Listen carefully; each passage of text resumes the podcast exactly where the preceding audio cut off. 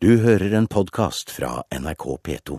Og da har vi fått en helt eh, fersk redaktør i studio. Ellen Arnstad, du er i dag eh, utropt, eller ansatt er du vel, som eh, sjefredaktør i Se og Hør. Og i dag kommer du altså fra en forlagsredaktørjobb i ukebladkonsernet Alder, og du har vært redaktør i damebladet Henne i 17 år. Gratulerer. Takk skal du ha. Du må jo først fortelle meg hvordan det har seg at du vil ha en jobb som redaktør av Se og Hør. Se Hør er jo da fortsatt Norges største ukeblad etter 34 år. Eh, det er en stor eh, utfordrende jobb. Eh, et av de sterkeste mediebrandene i Norge. Og det er i en ny medietid. Det er ikke bare ett blad i uka lenger, det er to blader i uka pluss et stort nettsted, mobiltjenester, lesebrett. Så jeg tenker at her må jeg bare bruke alt jeg har oppi ryggsekken min av erfaring etter å ha sittet i konsernledelsen i mange år. Jeg skal også fortsatt sitte der.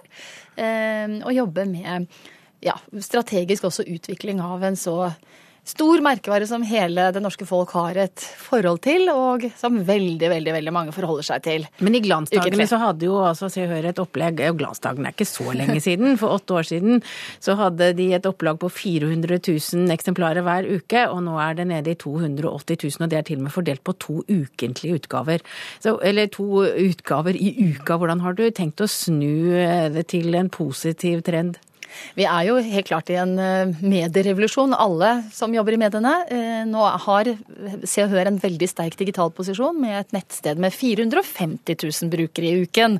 Så det er klart at eh, det er fortsatt veldig mange som er innom merkevaren både daglig og flere ganger om dagen, og to ganger i uka på papir.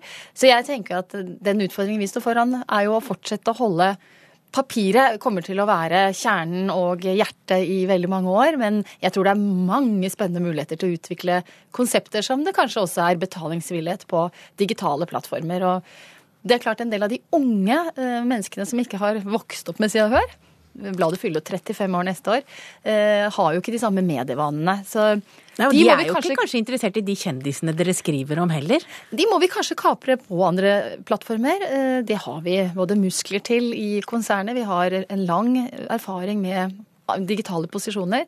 Og jeg har lært veldig mye av å nettopp sitte i strategisk posisjon i forlagshuset og utvikle nye ting. Både på digitale plattformer og på print.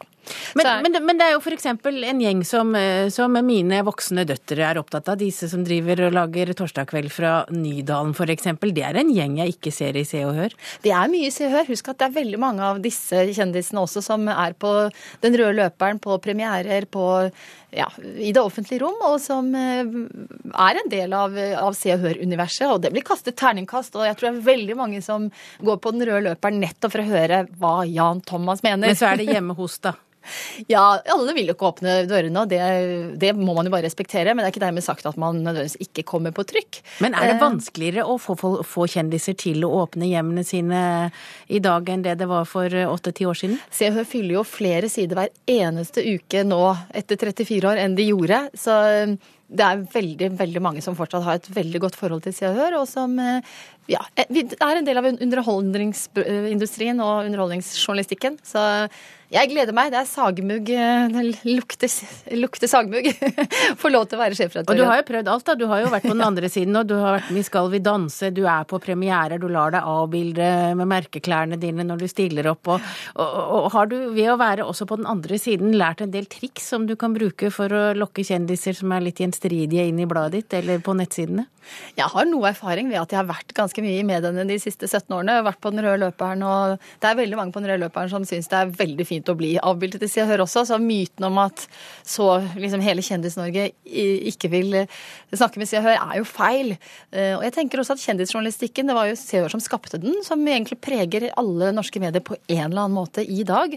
Og jeg tenker også at det har vært veldig mange viktige ting i kjendisjournalistikken, med rollemodeller som har stått frem med tabuområder. Det er jo bare å gå tilbake til Wenche Foss som snakket om det å ha et barn med Downs syndrom, som sto frem med kreft. Wenche Myhre som snakket om selvmord i nær familie.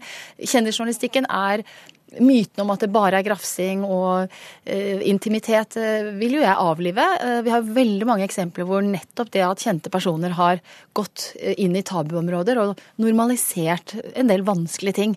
Det har Se og Hør vært med på, det har også en del andre medier vært med på. Og det, det skal vi også fortsette med. Men eh, Ellen Arnstad, du er jo egentlig ikke på jobb nå, du. For du er ute i permisjon og har betalt fra staten for å passe på barnet ditt og amme ditt lille barn. Og det er andre gang, eller i hvert fall andre gang du bytter jobb når du får nytt barn. Er det, er det bare noe du må? Nytt barn, ny jobb?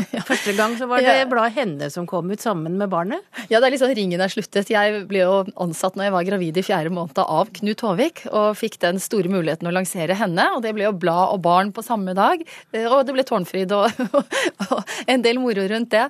Eh, og nå skal jeg overta Knut Håvis livs, livsverk med en, et barn på ti måneder. Men eh, så det, det, skjer et eller annet med meg når jeg får barn. Det er liksom ikke timing i mitt liv. Men eh, jeg følger hjertet nå, og hun har en pappa som skal være hjemme med henne i foreldrepermisjon. Så det blir jo kjempebra fra november av. Jeg begynner ikke før 1. november. Takk til deg, Ellen Arstad, ny sjefredaktør i Se og Hør. Du har hørt en podkast fra NRK P2.